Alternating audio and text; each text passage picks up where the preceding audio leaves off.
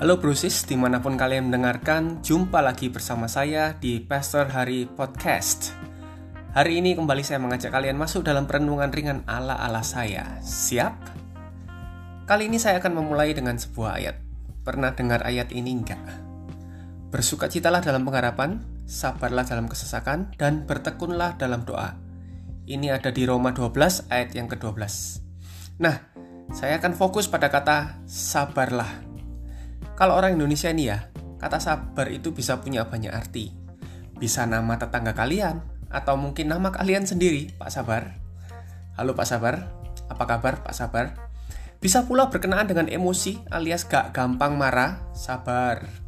Tapi ayat ini sabar lebih menjelaskan keadaan mau menunggu. Nah, sabar yang beginian nih paling sulit buat diadaptasi oleh sebagian besar orang-orang kita. Dan ini menjengkelkan. Pernah nggak kalian baik-baik terapkan budaya antri? Eh, saya pernah loh. Bukan hanya sekali, tapi beberapa kali. Sudah baik-baik antri di minimarket, eh lah kok ujuk-ujuk ada ibu-ibu nyelonong main tikung dari samping depan, langsung naruh barangnya gitu aja di depan kasir, ngelewatin saya. Hmm, coba gimana respon Brusis? Saya langsung keluar jalur dari definisi sabar lainnya, yaitu emosi. Ya maka emosi lah.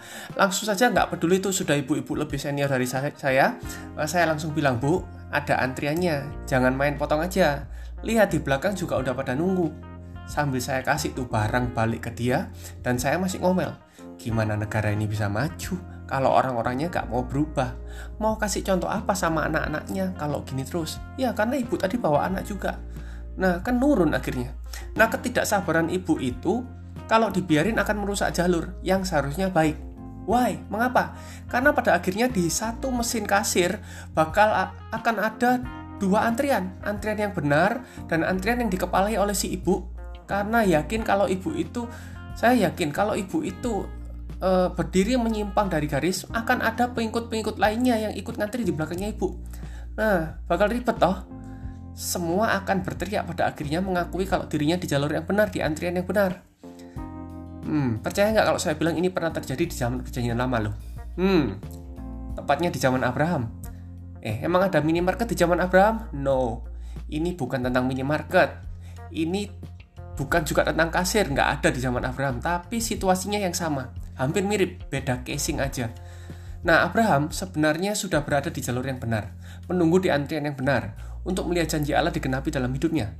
Tahu kan yang saya maksud? Bahwa keturunannya akan melimpah buahnya. Karena banyak, maka banyak. Tapi kayak di antrian minimarket atau kayak antrian motor di pom bensin, waduh ini lebih gergetin. Pernah ya brosis, antri baik-baik lah kok diserobot dari kiri atau kanan di pom bensin. Jengkelin banget. Pinternya penjual bensin akhirnya, sorry sorry, maksud saya pinter-pinternya sih banyak orang yang akhirnya jadi penjual bensin eceran. Kenapa? Karena mereka memanfaatkan orang yang nggak pengen ngantri, nggak pengen jengkel, ya punya situasi bebas antri akhirnya dengan membeli bensin botolan. Ya, biar sehat emosinya, nggak perlu marah-marah ya kan. Nah, balik lagi ke Abraham, ke Abraham, ke Abraham ya. Kayak di antrian minimarket dan pom bensin Abraham pengen segera pulang bawa pulang belanjaannya. Tapi merasa kok antrian gak maju-maju alias gilirannya kok masih lama sementara waktu terus berjalan. Nah tahu nggak apa yang dilakukan Abraham dan Sarah? mereka serobot antrian, mereka putar otak. Yang penting dapat apa yang dijanjikan pada dia. Memang sih pada akhirnya dia dapat apa yang memang seharusnya dia dapat. Tapi akhirnya ini berujung pada dua jalur yang sama-sama merasa benar. Taulah maksud saya. Jadi ada dua garis antrian menuju mesin kasir yang sama dan akhirnya sama-sama saling gontokan. Nah, karena itu brosis di mana pun kalian berada hari ini, yuk belajar bersabar dalam kesesakan. Kata firman Tuhan tadi, belajar bersabar dalam penantian. Karena apa yang dijanjikan buat kita itu pasti digenapi. Entah itu dalam hal keuangan, kesehatan, promosi jabatan, percaya deh. Ayat itu kan dimulai dengan kata bersukacitalah dengan sorry bersukacitalah dalam pengharapan. Nah kata Amsal, harapanmu sungguh ada dan masa depanmu tidak akan hilang. Jadi sabar aja. Belajar yuk untuk tidak mengulang Abraham versi masa kini karena ketidaksabarannya. Untuk tidak menjadi ibu-ibu yang saya damprat di minimarket. Giliranmu tiba ke mesin kasir pasti tiba. So cheer up, come on, you can do it. Dan ayat itu ditutup dengan anjuran, bertekunlah dalam doa. Ketika kita mulai nggak sabar, jangan mulai grundel ngumpat atau ambil tindakan sendiri. Ungkapkan ke Tuhan, berdoalah. Tanyakan pada sang kasir, Mas, Mbak, semua baik-baik aja tak? Kok lama? Kapan giliranku? Mungkin kasirnya akan membukakan layanan di meja sebelah. Jadi kita masuk ke layanan meja sebelah tanpa perlu nyerobot. Nah, kalau kita nggak pernah bertanya, kita nggak pernah ada jalan dengan ya oke okay?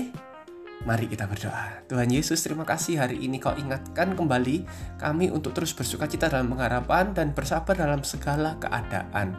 Ajar kami tekun dalam doa-doa kami agar kami diberi kaki yang kuat untuk terus berjalan, tangan yang rajin untuk mengerjakan bagian kami, dan hati yang teguh untuk terus percaya pada janjimu. Kami perlu engkau ya Bapa, tuntun langkah kami. Dalam nama Yesus. Amin.